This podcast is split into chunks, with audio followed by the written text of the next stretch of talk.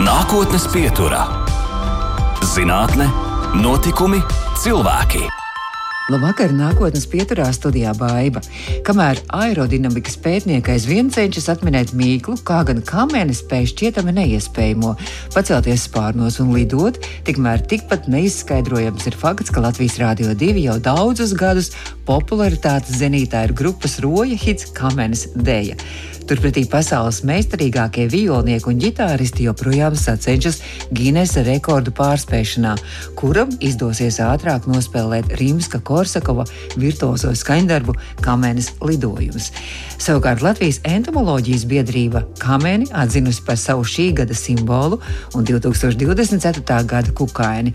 Turklāt nevis vienkārši kameni, bet Latvijas sarkanajā grāmatā iekļauto un īpaši aizsargājamo lielacu kameni. Nākotnes pieturā viesojas Latvijas entomoloģijas biedrības valdes loceklis, Latvijas Biozinātņu un tehnoloģiju universitātes asociētais profesors, augu aizsardzības zinātniskā institūta Agrihorts vadošais pētnieks, lauksaimniecības zinātņu doktors Jānis Gailis. Labvakar! Labvakar. Nu, kā tad to kamēni? Tad droši vien arī jūs esat, tas jūsu pirksts ir arī pie tā, ka gada kukainis izvēlēta kamēnu un pirmo reizi bite kopš 1999. gada, kopš vispār nosaka gada kukaini.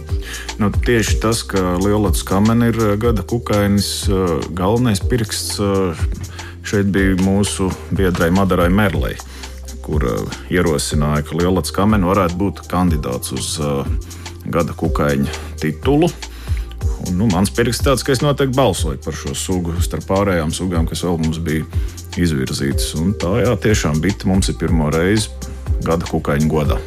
Lielicu kamēnu tas nozīmē, ka paskatījos arī foto, mm. ka, ka tiešām tās acis divas ir tādas milzīgas, tādas izvaldītas acis, bet izrādās eh, palasīju arī, ka kamenē nemaz nav tikai divas acis, ka viņai esot arī vēl tur virs galvas vēl kādi aci.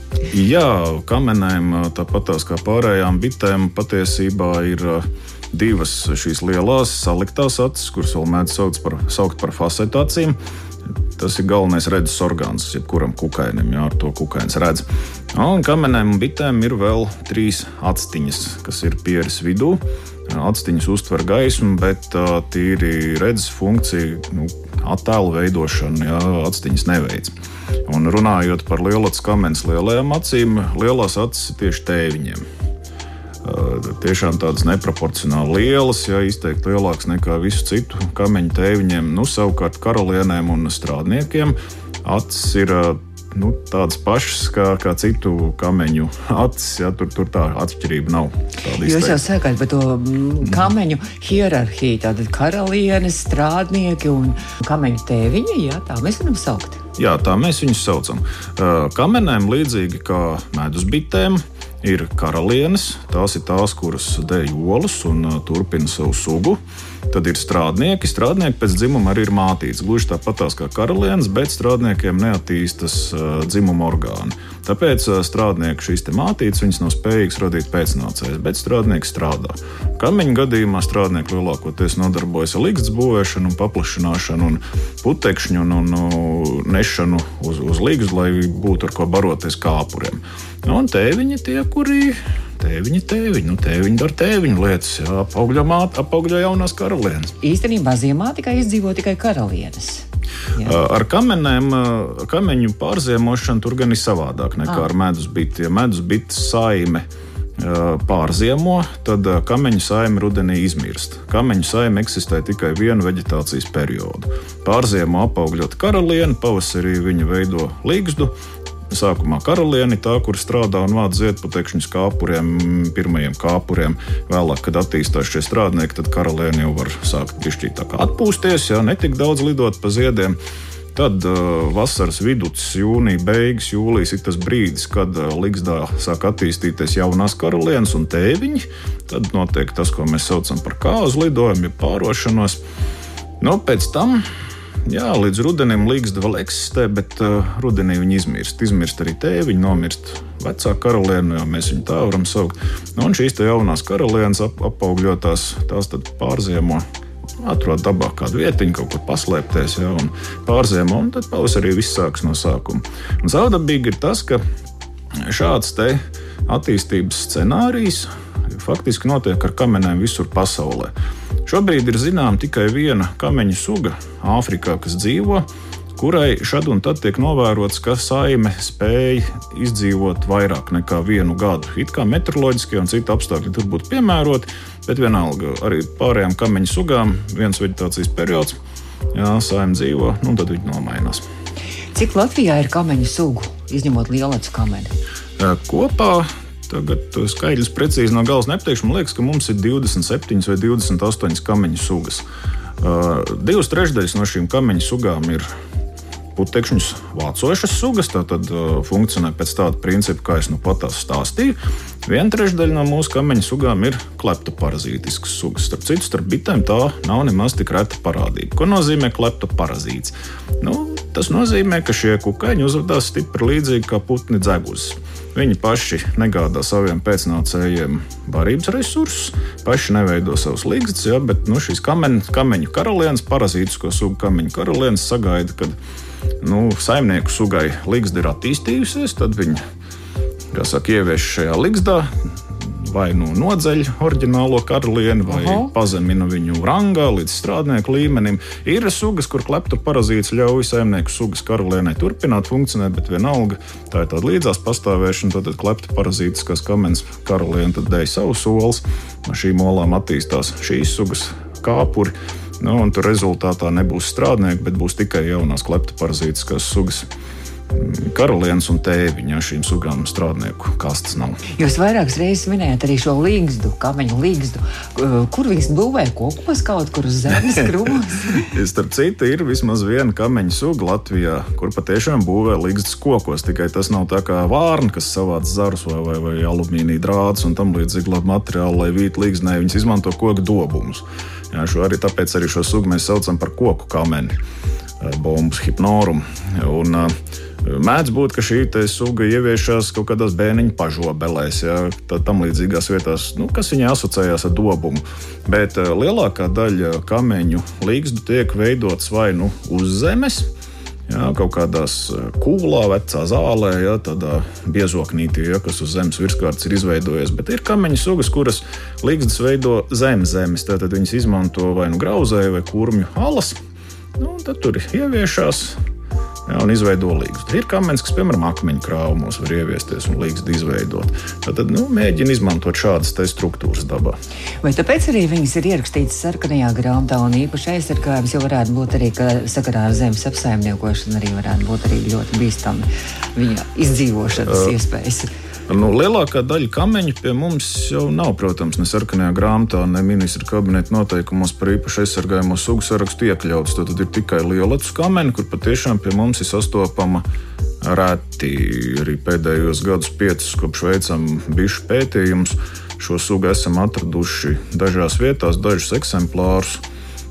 Kolēģi Madara Merle, veicot savu studiju pētījumus, ir arī vienā vietā konstatējusi, kāpēc Kāpēc tas tā? Kāpēc tieši šī suga pie mums ir retāk sastopama?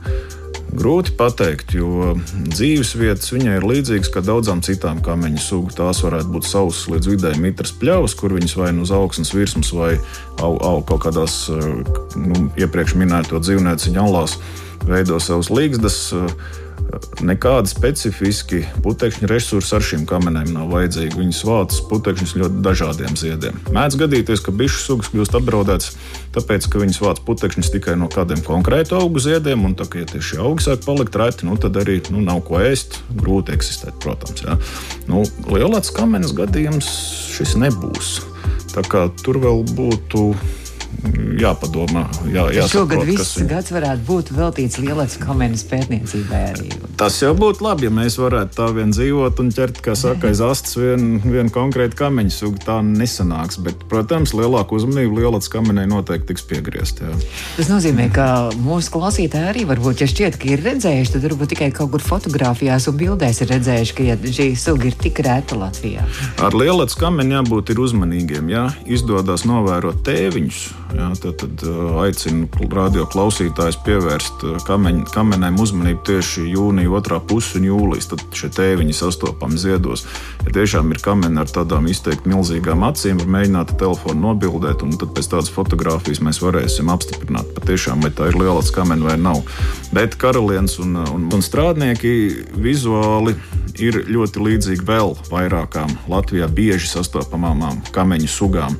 Ir mums tāda akmeņu kamena, kas pēc krāsojuma ir gandrīz identiska, nevis gandrīz, bet principā identiska lielāts kamenei, un tur jau ir jāiedziļinās sīkākās detaļās, kuras reizēm man neapbruņot acis nevar saskatīt, lai šīs sugas identificētu. Bet, nu, katrā ziņā visu var sūtīt arī šīs fotogrāfijas, var sūtīt dabas datiem. Fotogrāfijas var sūtīt uz dabas datiem, jā, un tad jau, ja būs iespējams pēc šīm fotogrāfijām, tad uh, dabas datu speciālisti jau šīs sugas noteiks. Un, pateiks, vai tā ir lielāka kamēna vai tā nav. Vai ir jābaidās no lielākas kamēnas vai bīstama bites ar savu dzeloņu? Nu, reizēm diezgan sāpīgi arī mums. Protams, arī kamenēm ir dzeloņi un indas dziedzeri. Gan karalienēm, gan strādniekiem, bet tēviņiem tādu nav. Nevienas bites tēviņam dzeloņi nav. Tāpēc, ja redzu to ar tām lielajām acīm, no tā baidīties dikti nevajag.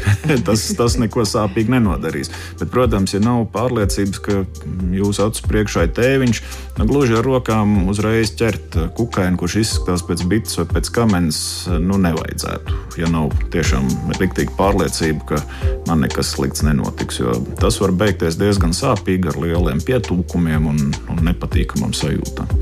Kāda tad ir lielāca kamenes galvenā funkcija? Putekšņu vākšana.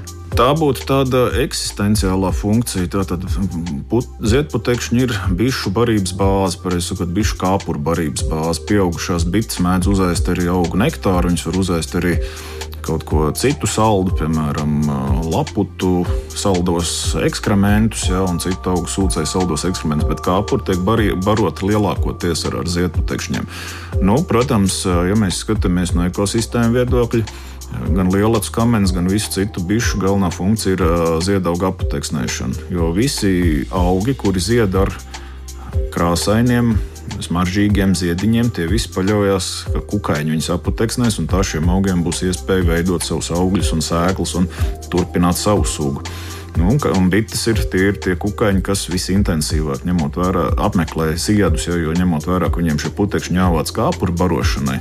Nu, ir aprēķināts, ka viena savvaļas bite, tas varētu būt arī lielāks kamens strādnieks, savā dzīvē apmeklē nu, 2 līdz 3 tūkstoši ziedu. Protams, apateksnēšanu veids arī citi kukaiņi, kuri barojās ar ziedputekšņiem, un tādu kukaiņu ļoti daudz ziedmušas, dažādas vaboles, jātnieciņa, tam līdzīgi kukainīši. Bet, um, Šeit tā atšķirība no bitēm ir tāda, ka šie kukaiņi apmeklē ziedus tikai lai paši pēstu. Nevis lai vāktu pārtiku vēl desmitiem savu kāpuru, ja savas sugas kāpuru. Līdz to šie, šie citi kukaiņu ziedus apmeklē daudz mazāk nekā, nekā bites. Tāpēc bites un kamenes, protams, tajā skaitā nu, ir svarīgākie ziedauga aputeksnētāji. Un tad vēl ir jautājums, mēs kaut kur bērnu grāmatās redzam arī šo zīmējumu, ka, ka bite ir kaut kādām tādām kanniņām, un tad viņi nes to medu vai tos ziedputekšņus kanniņās, kur īstenībā viņas liek tos ziedputekšņus. Nu, principā jau īstenībā tajās bērnu grāmatās ir uzzīmēts bieži vien ļoti pareizi, jo mm, bitēm, bites ziedputekšņus lielākā daļa bišu, jāsaka tā, ziedputekšņus vāc uz savas ķermeņa virsmas. Medus bites un arī kamenes, kas ir starp citu ļoti tūratniecisks. Ja medus bitēm viņām tiešām veidojās šīs putekšņu nastiņas, vai reizēm viņas asociējās ar kanniņām, ja, pie pakaļkājām. Mm. Bet arī daudzas vientuļās bites vāc ziedputekšņus ar, ar matiņiem, ja, kas ir viņām uz pakaļējām kājām. Ir vientuļās bites, piemēram, griezēji bites, kurām šie putekšņu vākšanas matiņi ir izvietoti uz vēdera apakšpuses. Ja viņi atgādina tādu tā kā suku. Tad ļoti interesanti ir vērot, kā griezēji bitsauc putekšņus. Viņas ar to vēderu liekas tā kā ķem, ķemmē ziedus, jau viņas uzķemmē šos ziedputekšņus. Ir bites, kurām Primārie putekšņu vākšanas matiņi ir uz galvas. Viņām pat uz galvas ir tāda tā kā dzelkņveidīga veidojuma, un tad viņas savukārt to galvu tā kā ar tādu suku ņem vispirms paiet to ziedus, un tad pamazām tie putekšņi tiek novirzīti uz vēdera pakaļgalvai, uz tām kājām, kur tad viņi uzkrājās. Nu, tā kā bita ir visu dienu nostrādājusi, viņi vēl apakaļ uz savu līgas, nu, tad, tad tie putekšņi tur ir pie tām kājām. Ir bites no zīdbišu dzimtas, kuras putekšņus vāc viņus apēdot, nu, un pēc tam atvēmjot. Kādreiz uzskatīja, ka šīs bites ir kleptoparazīti, jo tā tad nav putekšņu vākšanas matiņa. Tas ir ļoti raksturīgi kleptoparazītiskajām bitēm. Jā, nu, viņām putekšņus vākt nevajag, viņas sagaida, ka saimnieks savāc. Šīs noteikti ir kleptoparazītiskas, viņam nav matiņa, ar ko vākt putekšņus. Nu, pamazām pētnieki noskaidroja, ka viņi tomēr ir kļūdījušies. Jā, ka šīs zīdbites, bet ne visas, bet viena daļa zīdbišu, tā tad putekšņus apēd un tad vienkārši atvemj. Mēs turpināsim mūsu sarunu pēc brīža. Nākotnes pieturā pienācis laiks arī mazliet mūziku uzspēlēt. Latvijas Biozinātņu un tehnoloģiju universitātes asociētais profesors auga aizsardzības zinātniskā institūta Agrihorts vadošais pētnieks lauksēmniecības zinātņu doktors Jānis Gēlis šobrīd ir mūsu studijā. Nākotnes pieturā. Nākotnes pieturā šodien viesojas Latvijas Biozinātņu un tehnoloģiju universitātes asociētais profesors auga aizsardzības zinātniskā institūta Agrihorts vadošais pētnieks, lauksaimniecības zinātņu doktors Jānis Gailis, un šo redzējumu pēc tam varat noklausīties arī mūsu mājaslapā audio saitē un arī podkāstos lielākajās vietnēs. Nu, jo mēs esam tikuši līdz tai bišu pētniecībai, un jūs arī savā uh, augu aizsardzības institūtā arī uh, daudz pievēršat uzmanību tieši arī bitēm un vairākus gadus jau nodarboties arī ar bišu monitoringu un arī bišu citāda veida pētniecību. Jā, bišu pētniecību mēs sākām nodarboties 2019. gadā. Nedaudz jāpakavējas vēl senākā laikā.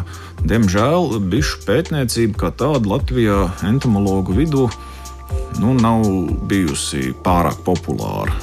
Mums lielākoties vaboļu pētnieki izveidojās. Kāpēc? Grūti pateikt. Nu, vaboli, es pats arī sācis savu pētniecību, kā vaboļu pētnieks, jā, kukaiņu pētniecību. Nu, un, varbūt tāpēc, ka vabola ir tāds ciets, kompakts, neļurīgs kukainis, ja, kur, kur viegli var paņemt rokā. Nav bažas, ka viņš tūlīt izšķīdīs, saplīsīs. nu, jā, arī tas varētu būt apstākļus. Jā, tāpēc laikam kaut kā tām vabolēm entomologi mēdz sākt, un pēc tam vai nu turpina, vai arī pievēršas kādai citai kukaiņu grupai. Nu, tas mans tāds minējums. Un mums bija pētījumi līdz 2019. gadam, bija vispār apsīkuši. Mums agrākos laikos ir bijis ik pa laikam pa kādam bišu pētniekam, bet nu, viņi bija, es tā rēķinu, nu, gadus 20 stabili, ka bija apsīkuši. Un tad mums institūtā atnāca sadarbības piedāvājums no viena beļģu entomologa, kurš tobrīd bija doktorants, kura pētījuma mērķis bija noskaidrot pasaules līmenī kādas bišu sugu sabiedrības apdzīvo ziedošus abeļdārus, ja, tad arī veids tur abeļu apteksnēšanu. Tieši tā sakrita, ka tas piedāvājums atnāca, un es biju tikko pabeidzis un aizstāvējis savus promocijas pētījumus par vabolēm. Un, un man vajadzēja pašam svaigu, kaut ko svaigu, kaut ko jaunu un tā tālāk. Un tas bija tāds, vo, šito mēs tagad darīsim. Nebija tobrīd nekādas nojausmas eh, par bitēm, tādā ziņā, ko nozīmē šo bišu pētniecība, ko tas prasīs. Bet bija tāda iekšējā pārliecība, ka tas noteikti būs ļoti interesanti un ka es tur daudz ko priekš sevis pirmām kārtām jaunu uzzināšu. Tā arī noticis. Tātad pirmajā gadā mums arī līdz to izdevās pārliecināt Latvijas Republikas zemkopības ministriju, ka būtu vērts šādus pētījumus finansēt. Galu galā tas jau ne tikai beļģu kolēģi disertācija, bet arī mums pašiem zināšanas par mūsu bitēm, kur viņas ir, kā viņas dzīvo. Ja? Nu, pateicoties ministrijas piešķirtajam finansējumam, mēs tad, tad jau kopš 2019. gada pētām bišu sugu sabiedrības dažādos uh, laukos, jā, dažādu kultūra augiem apsētos laukos, abeļdārzos, arī zālājos. Nu, tas ir par uh, savvaļas bitēm. Nu, mūsu pētījumi ir arī paplašinājušies uh, arī vienā citā virzienā, tad, tad pētīt arī dažādus aspektus tieši saistībā ar medus biti. Bieži vien jau cilvēkiem, ja saka vārdu bite, tad cilvēks saprot, ka tā ir tā bite, kas dzīvo stropā un medu nes. Jāsaka, ir Latvijā ir ap 300 bišu sugām, un stropā dzīvo tikai viena no tām. Bet, nu, tā kā viņai šāda saimnieciskā nozīme, protams, tā ir ļoti svarīga suga mums visiem. Jā. Nu, tad mēs mēģinām pētīt šo, šīs, šīs medus bites dzīvi. Piemēram, aprīkojam bišu stropus ar dažādiem sensoriem, ar masas sensoriem, ar temperatūras sensoriem. Varam sekot līdzi un skatīties online, kā mainās. Attālināt, Attālināt jā, varam pieslēgties. Nu, šobrīd nē, šobrīd bites guļ, bet, bet mm -hmm. vasaras laikā varam, varam redzēt, kā kurā stropā ir veicies ar ienesumu katrā dienā. Smuki var redzēt tos brīžus, kad, kad izspietošanas notiek, ja, ka pēkšņi strops paliek tāds paviegls vienā brīdī. Ja un, un tam līdzīgas interesantas lietas. Arī ziedputekšņu sastāvā jūs arī laikam Jā, pētām arī ziedputekšņu sastāvu mūsu institūtā. Mēs arī pateicoties šiem pētījumiem pamazām attīstam metodiku, kā mēs paši varētu veikli un ātri piesaistot mākslīgo intelektu, tā skaitā identificēt eh, ziedputekšņus, jo līdz šim parasti sūtījām paraugus uz ārzemēm, lai ārzemnieki to dara. Par samaksu, protams, nu, kurš tā pavēlti strādās. Nu, tad mēs izdomājām, kāpēc mums finansēt ārzemniekus, kāpēc, lai, lai māte, lai attīstās mūsu pašu cilvēki, kur varētu šo darbu veikt. Tad gan ziedputekšņu sastāvā, nu, gan arī analizējam, vai ziedputekšņos neparādās kaut kas neatļauts. Kādas ķīmiskas vielas? jā, jā, tieši tā. Tā tad auga aizsardzības līdzekļu atliek vielas. Protams, ne visas viņas ir neatļautas, tur ir visādas normas noteiktas, bet nu, jā, pētām, kāda, kāda auga aizsardzības līdzekļu atliek vielas parādās arī šajos ziedputekšņos. Mēs un? Nu, esam pagājušajā gadā arī konstatējuši. Ja nemaldos, bija vismaz vien, viens herbicīds, kurš jau kādu laiku kā nav atļauts vairs Latvijā.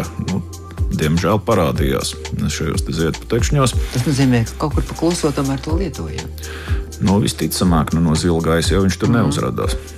Mm. Tā kā neko nevar no jums noslēpt.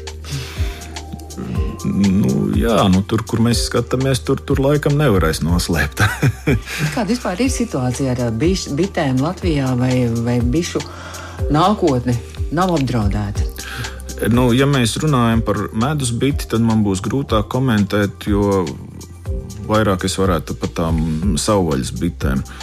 Par šo jautājumu es samērā nesen esmu arī ar saviem kolēģiem apspriedies entomoloģijas biedrībā, un mūsu tāds kopējais mm, viedoklis šobrīd ir tāds, ka mums nu, ne tikai bišu, bet apateksnētāja krīze Latvijā nedraud. Viņa nav iestājusies. Un, nu, arī paredzamā nākotnē, nu, tuvākajos gados visticamāk arī neiestāsies, jo bišu mums ir priekš mūsu platuma grādiem relatīvi daudz, arī citu kukaiņu relatīvi daudz. Bet te ir maz, maz piebildīt, ko es arī agrāk jau teicu. Nemazām jau tik ļoti nevajag piepūlēties, lai šo situāciju mainītu. Tā kā viss būs atkarīgs no mums pašiem, cik mēs draudzīgi un saudzīgi dzīvosim, jā, kā mēs izturēsimies pret apkārtējo vidi nu, tad mums ar tām bitēm vai nu tās krīzes nebūs, vai nu viņas draudi varētu pie apgāršņa arī parādīties. Un mēs kaut kā arī jūs salīdzināt arī ar Eiropas citām valstīm. Latviju. Pagaidām nē, tādos salīdzinājumos mēs vēl neesam aizgājuši. Jo es varētu teikt, ka šie gadi, kopš mēs ar bišu pētniecību nodarbojamies, nu, viena lieta, jā, mēs noskaidrojam, ka kādās lauksaimniecības platībās kādas bites dzīvo, kuras vairāk, kuras mazāk. Nu, tā pašā laikā mēs arī paši mācāmies arī nu, tās bites pētīt, ko par viņām saprast. Jo nu, tas viss ir, kā saka, mācāmies darīt. Nu, pienāks kāds brīdis, kad mēs sāksim sevi salīdzināt arī ar, ar, ar citām, citām valstīm. Tagad jāņem vērā viens aspekts. Bišu fauna un arī populācija blīvumi. Viņi jau atšķirās pa ziemeļu dienvidu gradientu jo mēs tālāk brauksim uz dienvidiem, jo mums būs vairāk sugu, un arī katras sugas populācijas būs blīvākas. Ja, nu, kur ir siltāks, kur ir līdz vairāk to, ziedi. Jā. jā, vairāk ziedi, garāka vasara, jeb garāks vegetācijas periods. Tur uzreiz būs lielāka suga daudzveidība. Nu, tas tāds loģisks secinājums. Mēs jau sākām runāt, jūs teicāt, ka jūs sākāt vispār savu pētniecību ar skrejvabolēm, ar vabolēm, skrejvabolēm. Un tur arī tāds interesants lieta, ka pēdējos gados arī attiek attieksme pret skrejvaboliem, es saprotu, ir mainījusies. A kāda viņa ir bijusi līdz šim? nu, es tā lasīju, ka pirms tam laikam viņas uzskatīja par ļoti kaitīgiem arī kukaiņiem. Bet, bet pēdējā, A, nē, tā tas- nav gluži. Ne? Tur tad ir jākomentē, ka ir bijis viens brīdis, jā, ja mēs paņemam uh, manu kādreizējo priekšteču. Sarakstītās mācību grāmatas, lauksaimniecības entomoloģija, vai Edgars Ozola lauksaimniecības entomoloģija, vai uh, Artur Priedīša kultūra auga kaitēkļi. Šajās grāmatās parādās pa kādai skrejbuļu sugai, par kurām tolaik tiešām bija viedoklis, ka šīs sugas varētu būt postīgas kaut kādiem laukaugiem. Jā, jo viņas tur apēd dīkstus vai tur uh, izgrauž zemeņogās uh, robus un tā tālāk. Nu, jā, zinātnē, tā nav mūsu zinātnē, tā ir citur Eiropā zinātnē. Pa šiem gadu desmitiem ir gājusi uz priekšu un ir parādījis, ka šis skreju, šīs konkrētās sugas nē, nav īpaši postīgas un patiesībā auga izcelsmes barība viņām, kā sekundāra barība, primāri viņas ir plēsīgas sugas.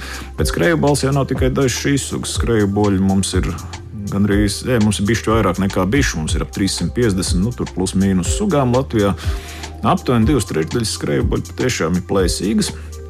Un uh, lauksaimniecības kontekstā viņas mēs uzreiz pieskaitām pie saimnieciski noderīgiem kukaiņiem, jo daudz šīs sugas apdzīvo laukus, apdzīvo dārzus, puķu dobes, visus, ko tik mēs nevaram ar lauksaimniecību sasaistīt. Un ko viņas tur dara? Nu, ēd nost citus kukaiņus, tā skaitā daudz kaitēkļus. Atlikusī trešdaļa skreju poļu, tās ir augētājas sugas. Bet ko tad viņi sēž? Lielākoties viņi sēž nelielas augu sēklas, un arī šīs sugas mēs lauksaimniecībā, īpaši laukopībā, pieskaitām pie saimnieciski noderīgām sugām, jo viņas diezgan efektīvi samazina nezāļu sēklu banku augsnē. Tātad, jo vairāk šādu skrēju boļu, mazāk nezāļu. Matemātika vienkārši. Tas nozīmē, ka nav jāizgudro nekādi nezāļu ravēšanas roboti, vai, vai pašam nav jāpiepūlās, ka var ielaist laukā vienkārši skrejvabols un tās tur viss izdarīs. Nu, tas jau būtu ļoti labi, ja tas tā vienkārši strādātu. Tā, diemžēl, dabā neizdodas. Jo redzēt, kas par lietu. Ja mēs salīdzinām skreju bolus un nezāles, ja šīs skreju bolas, kas ir nezāļu sēklas, jā, tad, tad uh, tā ir tās starpsuga attiecības plēsonība. Tad augs ir upuris, ja, kurš tiek apēsts, ja skreju bolu plēsoņi.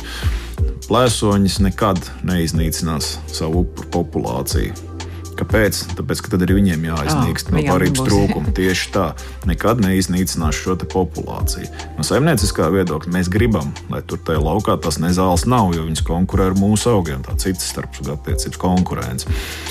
Tātad no saimnieciskā viedokļa tik efektīvi šis skreju bols tur neuzvedīsies. Varētu teikt, jā, nu tad savācam tās skreju bolas lielā daudzumā, ja laižam viņas tajā laukā, pamēģiniet viņus tur noturēt.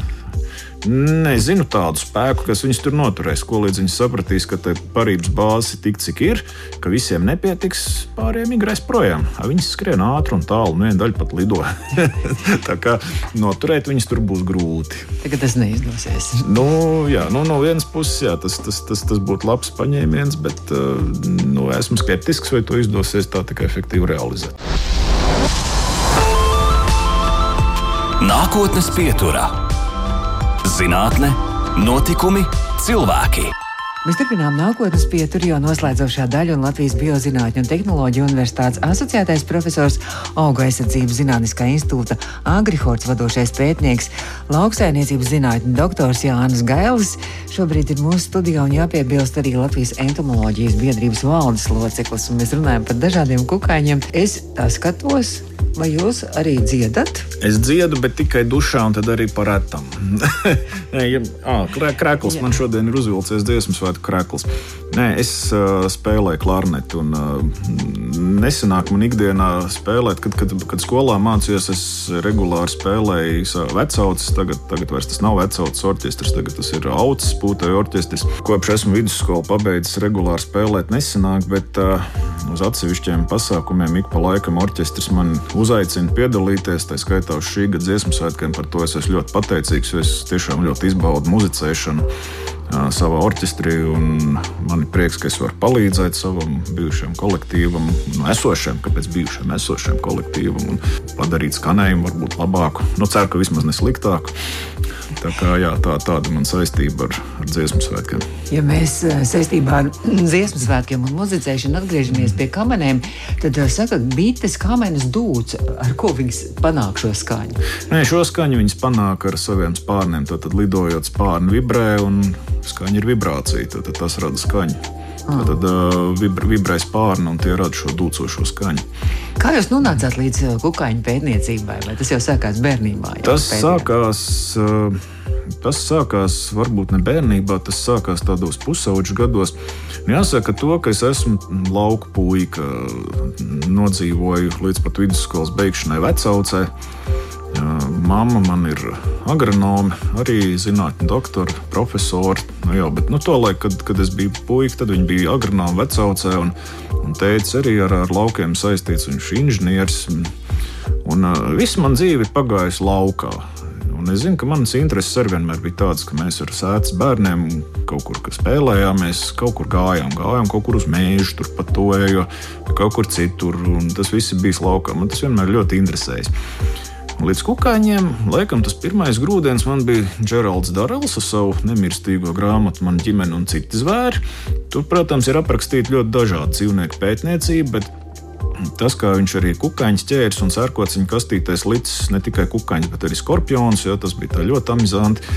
Un, un kā viņš ir kolekcijas veidojis, tas bija tāds tāds, tāds viens tā, tāds moments, kas. Jūs gribējāt būt ģerāls darās? Ne, varbūt ne gluži, tobrīd es līdz tam neaizdomājos, bet tā riktīgais grūdienis kukaiņu virzienā man sanāca vidusskolas laikā. Man bija ļoti labi bioloģijas skolotāji. Kur, kuras vadībā es uzvarēju olimpiādi, bioloģijas olimpiādi Dobels rajonā, un pēc tam mēs braucām uz valsts olimpiādu, uz Rīgu. Un izrādījās, ka mana skolotāja ir savulaik mācījusies kopā ar Daugopils Universitātes rektoru profesoru Arvīdu Barševski, entomologu. Un, um, Tā mēs sapazināmies. Sākumā tā sapazīšanās bija attālināta, jo es personīgi ar Arvīdu nesatikos, nesanāca, bet uh, viņi bija viņu satikusi, kamēr es tur pildīju uzdevumus. Tā tur vārds pa vārdam bija aizgājis. Nu, taču, varētu tā, tāds jaunietis varētu ar, ar kukaiņu pētniecību nodarboties. Un, un man bija tāds, Kāpēc gan ne? Varētu pamēģināt, nu, un zinu, kā, nu, ka pamēģinu.